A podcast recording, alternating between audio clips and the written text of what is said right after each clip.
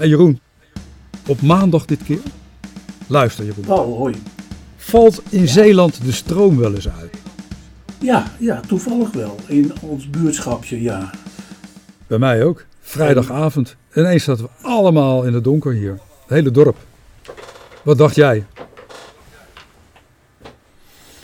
Oh, ergens een storing bij de voorziener, bij de, bij de energiemaatschappij. Eh, En meestal is het ook gauw eh, verholpen. En bij jou? Ja, ik dacht toch even de rust te komen. maar er was wel iets waar ik wel een beetje van, dan van schrok. En wat ik me heel erg bewust werd op dat moment. Als er zoiets gebeurt, jij toch, dan wil je toch weten... jij, zit ook dichter, jij zit ook dichter bij het oosten, hè? Ja, daarom. Je zit dichter, Ze zijn dichter, dichter bij ze Rusland. zijn er eerder. Maar waar ik even bij stil stond, maar waar ik toch even eh, mezelf bewust van werd, is... Normaal gesproken, je hebt een storing, dan wil je weten hoe het komt. Maar tegenwoordig, ja, je hebt DAP radio. ik, zet geen radio zomaar meer aan. En het internet lag er dus helemaal uit. Dus je kreeg helemaal geen informatie meer. En dat, dat was wel iets wat ik me op dat moment besefte. Helemaal geen informatie. Op het moment dat zo'n eh, zo'n storing optreedt, heb je niks. Nee, nee, maar het is het ook typerend dat je zo gaat denken, hè? Ja. In deze tijd. Maar vroeger had je natuurlijk een korte golfradio. Je had, zo- je had van die transistortjes. En er was altijd informatie, er was altijd nieuws. Maar nu dat helemaal afhankelijk raakt van internet. Ja, Jeroen. Wat doen we dan? Nou, nou eh, zeker, zeker. Eh, aan de andere kant zou je ook kunnen zeggen van... Hè, ik ben even blij, een half uurtje geen informatie. Eh, maar dat is eh, natuurlijk ook gekkigheid. Ehm, ik, ik, ik, ik snap, de, eh, ik snap de, de zorg. Maar aan de andere kant, ehm, ja, weet je, zijn we toch nog steeds niet erg blij dat we van zoveel verschillende kanten informatie krijgen. En dat we daar als verstandige jongens en meisjes uit kunnen kiezen en onze ideeën kunnen vormen. Ja, geweldig. Maar even stroomstoring. Geen informatie. Misschien op het moment dat je dat voor je veiligheid heel hard nodig hebt. En dan besef ik me toch dat we in andere tijden leven dan eh 20, 30 jaar geleden. Ja, maar heb je in dit geval toch een, een, eh, een verklaring voor gekregen daar in die buurt? Nee. Nee, ik heb gewoon gekeken in eh, dagblad Tubantia, maar ik heb tot nu toe nog geen verklaring gezien voor de stroomstoring. Ik heb vandaag nog niet gekeken in de krant van deze omgeving.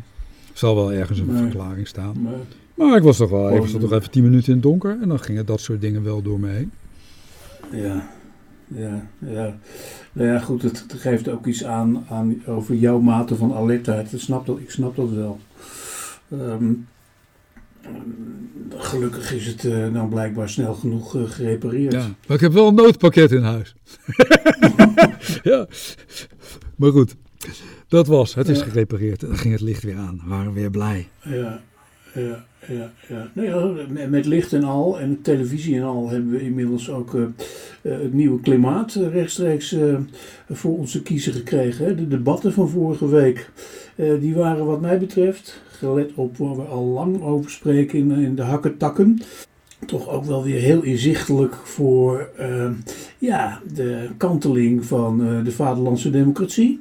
Paul, wat, eh, was het, was het, gaf het niet een goed beeld van eh, ja, hoe het tegenwoordig werkt met de verschuiving van rechts en links? Hoe bedoel je dat? Nou ja, ehm, al langer hebben we het erover en ook al veel langer eh, zie jij bepaalde ehm, systematische ontwikkelingen in hoe eh, de democratie verschuift en wat er tactieken erachter zijn.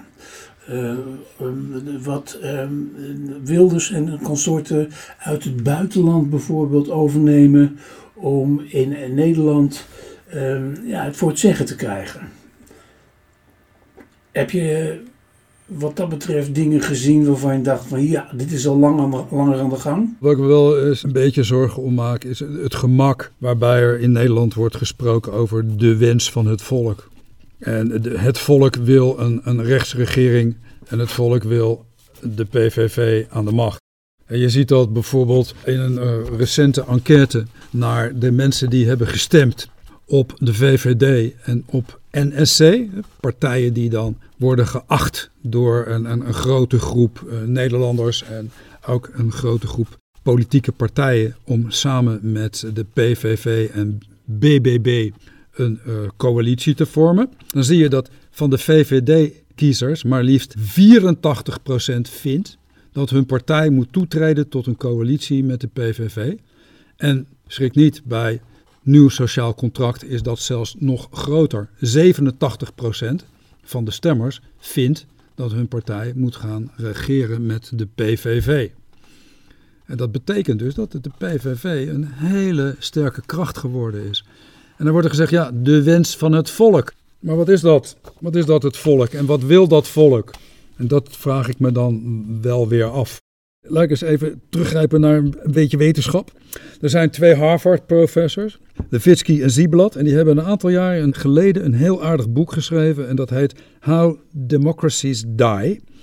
En daar zien ze die tendensen in heel Europa, heel wereldwijd gaande zijn, dat democraties langzaam afvlakken en dat er steeds meer autocratische regeringen komen in de wereld. Dat zie je ook als je naar de getallen kijkt van instituten die dit onderzoeken. Ja, de aanhang voor de echte liberale democratie neemt af. En ja, autocraten zitten in de lift. Nou, wat zeggen die professors? Voor een echte democratie heb je twee dingen nodig die heel erg belangrijk zijn. Uh, even in het Engels: mutual tolerance en institutional forbearance. Dat wil zeggen dat je elkaar respecteert en dat je terughoudend bent om zaken te veranderen in instituties. Nou, als we het dan hebben over het volk, dan zie je dat de populist zegt: het volk, dat zijn wij. En wij zijn er voor het volk en de rest kan opsodemieteren. Dus wat zijn dan de rest? Dat zijn tegenstanders van het gezonde verstand. En dat zijn de elites. Zo zien we dat vaak.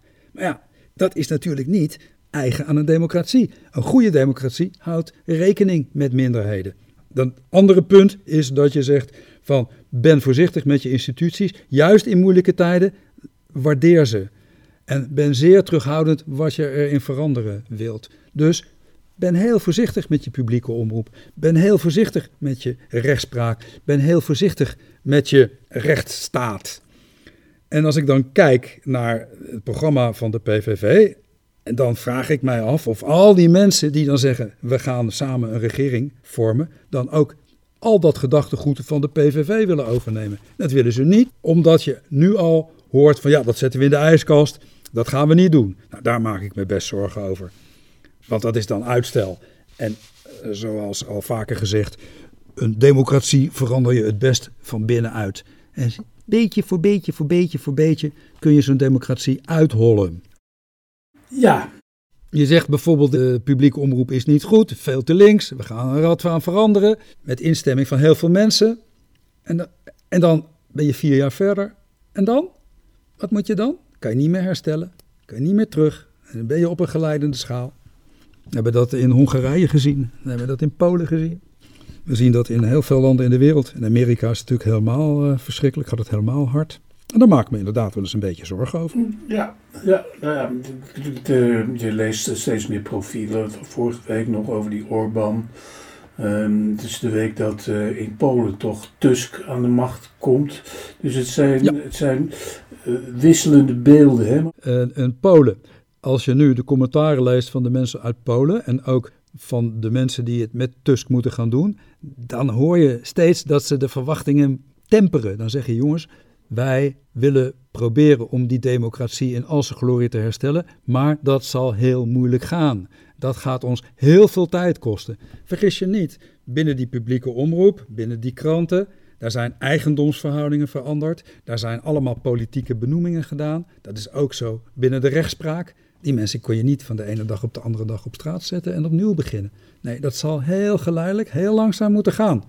En dan moeten we kijken hoe dat gaat. En als het te snel gaat, dan heb je ook weer kans dat weer mensen weer een beetje opschuiven richting PiS en dan het karwei ja, afmaken. Maar in ieder geval. Vergis niet, PiS is nog steeds de grootste partij. Maar zonder meerderheid.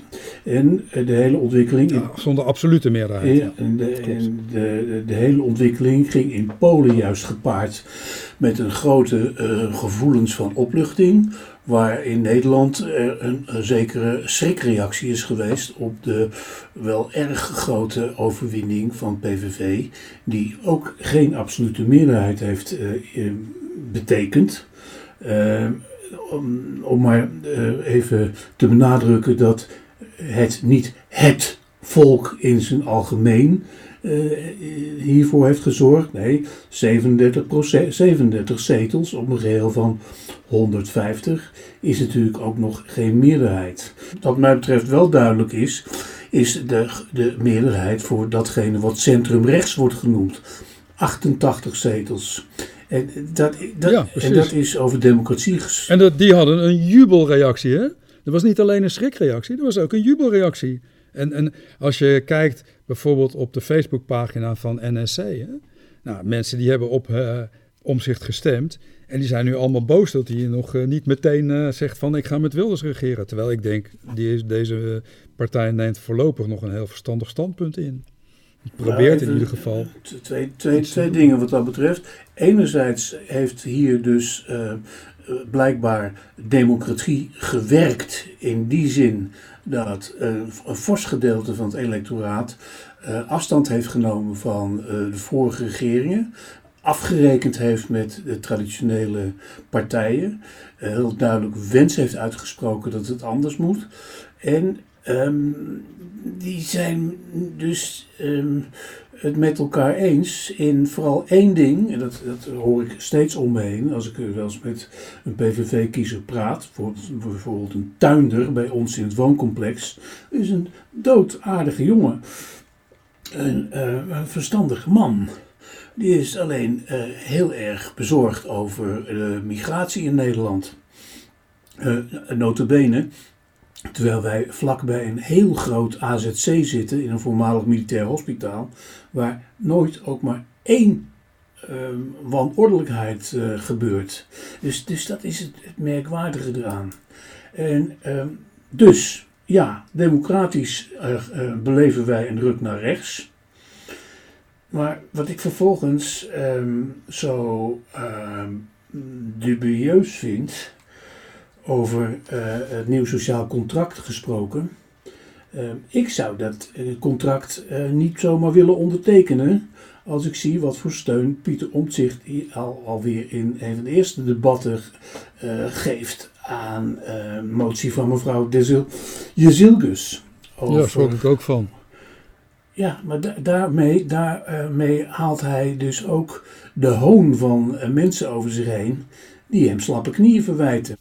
Nou, slappe knieën, het gebrek aan staatsrecht, denk ik. Ja, de, de man, ik denk dat hij eh, de rol van Timmermans had gezeten uh, als hij gewoon vrij oppositielid was geweest, wat hij tot nu toe uh, was geweest. Dan had hij gezegd, ja maar mevrouw Jezilkes, dit, dit gaat zomaar niet. U kunt hier niet de Eerste Kamer voorschrijven wat de Eerste Kamer moet doen helemaal niet intreden, zou ik zeggen, zou hij dan gezegd hebben, zoals Timmermans dat deed. Zeer terecht, zeer terecht. En daar schrok ik ook van, want hier gaat degene die pals zegt te staan en daarvoor zelfs een partij heeft opgericht voor staatsrechtelijkheid, toch wel aardig de mist in, vond ik. Ja. Nou, aardig de mist in. Hij bevordert uh, bij mij uh, niet direct het herstel van vertrouwen, waar hij zelf zo voor pleit. Ja, daarom. En um, het is ook nog maar te bezien of uh, nu, juist nu in deze fase van een informatie onder Plasterk, toch ook weer niet andermaal het soort achterkameroverleg plaatsvindt waar iedereen zo vreselijk tabak van heeft gekregen. Ja, maar er zijn er natuurlijk wel wat uitspraken waar je iets aan hebt, denk ik. VVD zegt, en daar krijgen ze trouwens binnen de partij ook heel veel commentaar op. Maar tot nu toe zeggen ze: oké, wij willen niet meeregeren. Hoogstens willen wij een gedoogconstructie. En wat daarbij trouwens wel opvalt, dat de VVD ook eigenlijk een coalitie over links uitsluit. En zeggen we willen alleen uh, uh, eigenlijk recht steunen, maar dat doen wij via gedogen. En tegelijkertijd zegt NSC, Pieter Omzicht denk ik dan toch nog steeds een klein beetje. Maar inmiddels zijn het ook twintig Kamerleden, een fractie. Waar mensen ook hun eigen inbreng en eigen ideeën hebben. Dat is natuurlijk ook lastig bij een nieuwe partij. Maar goed, die zegt, die partij, wij gaan niet in een minderheidskabinet zitten.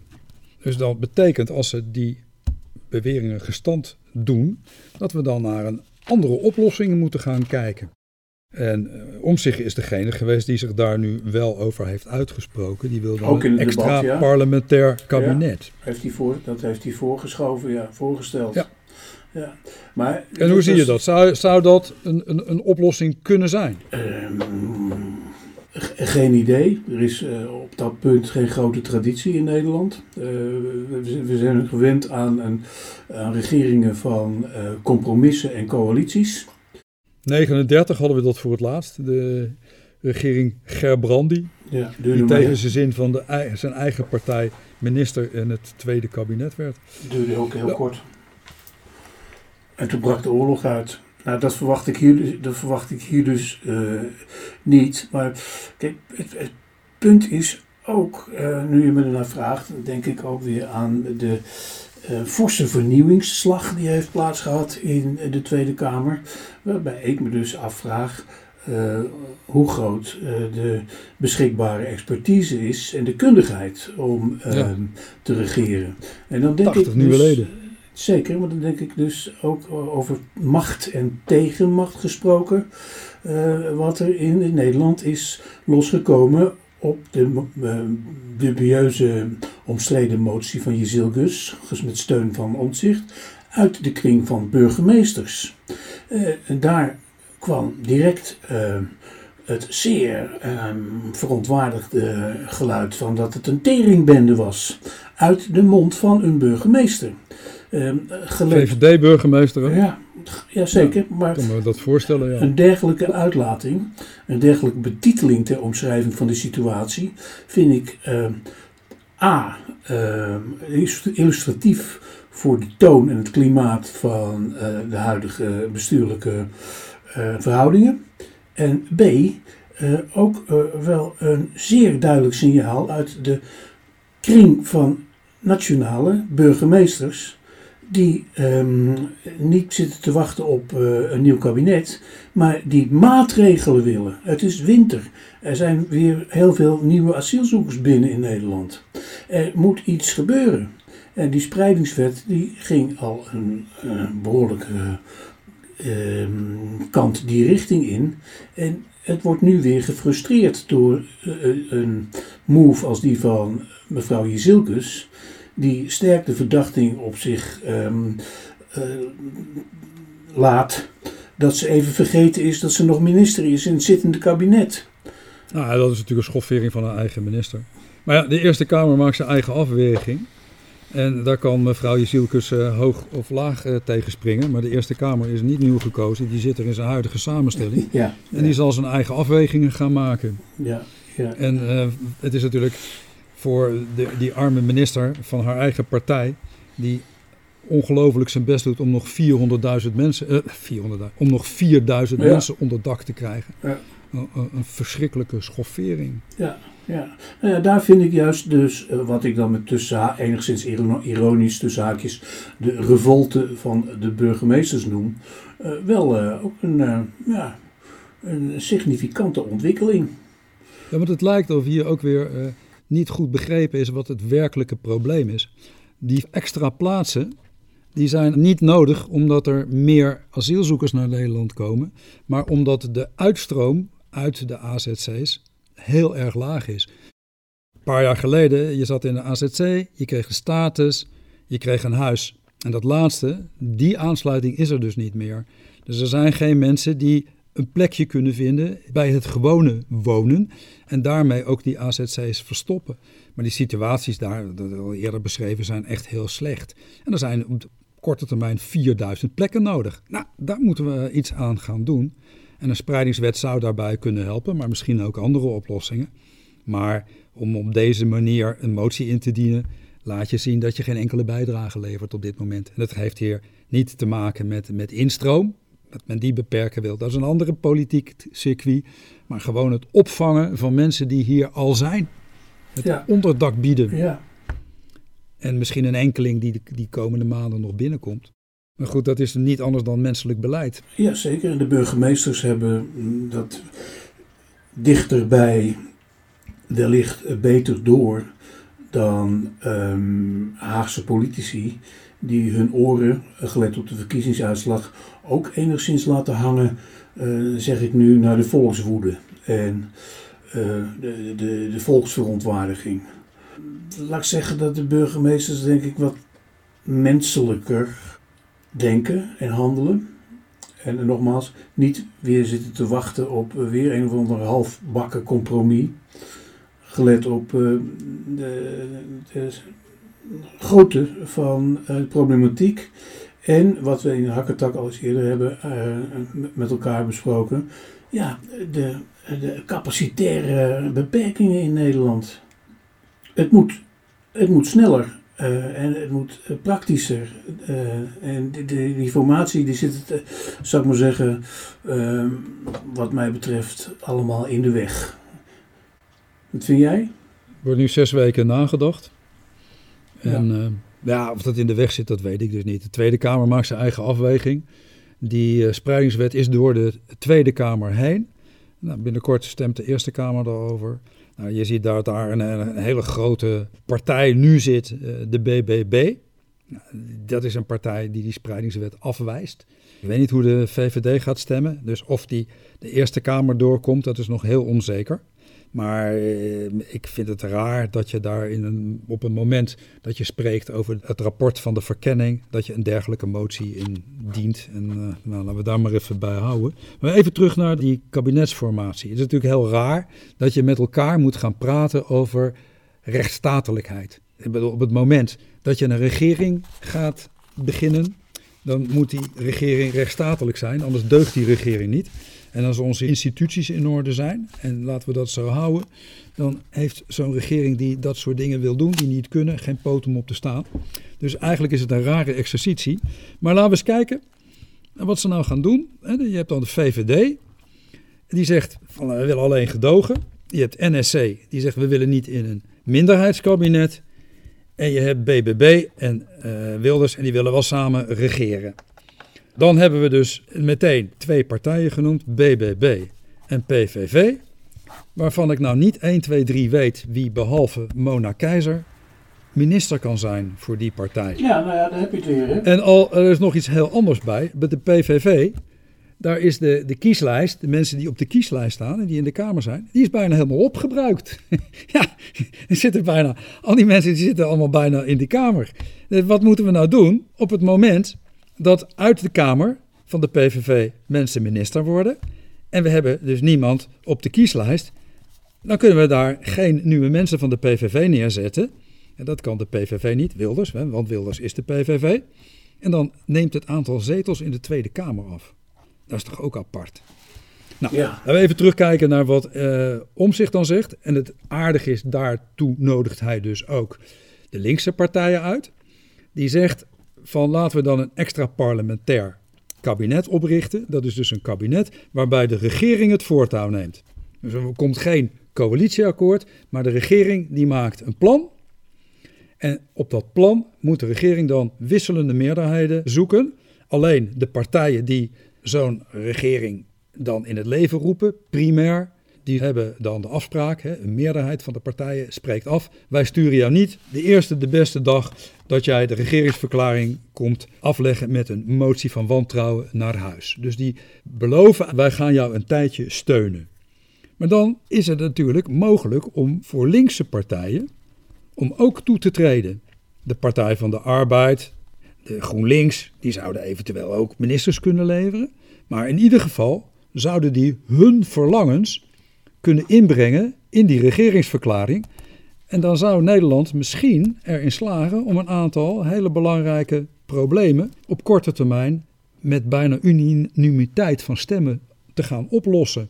Het zou wel eens een aardig experiment zijn, vind ik. Ja, maar dit, dit is nou toch uh, over democratie gesproken. Uh, uh, precies niet wat de kiezers willen.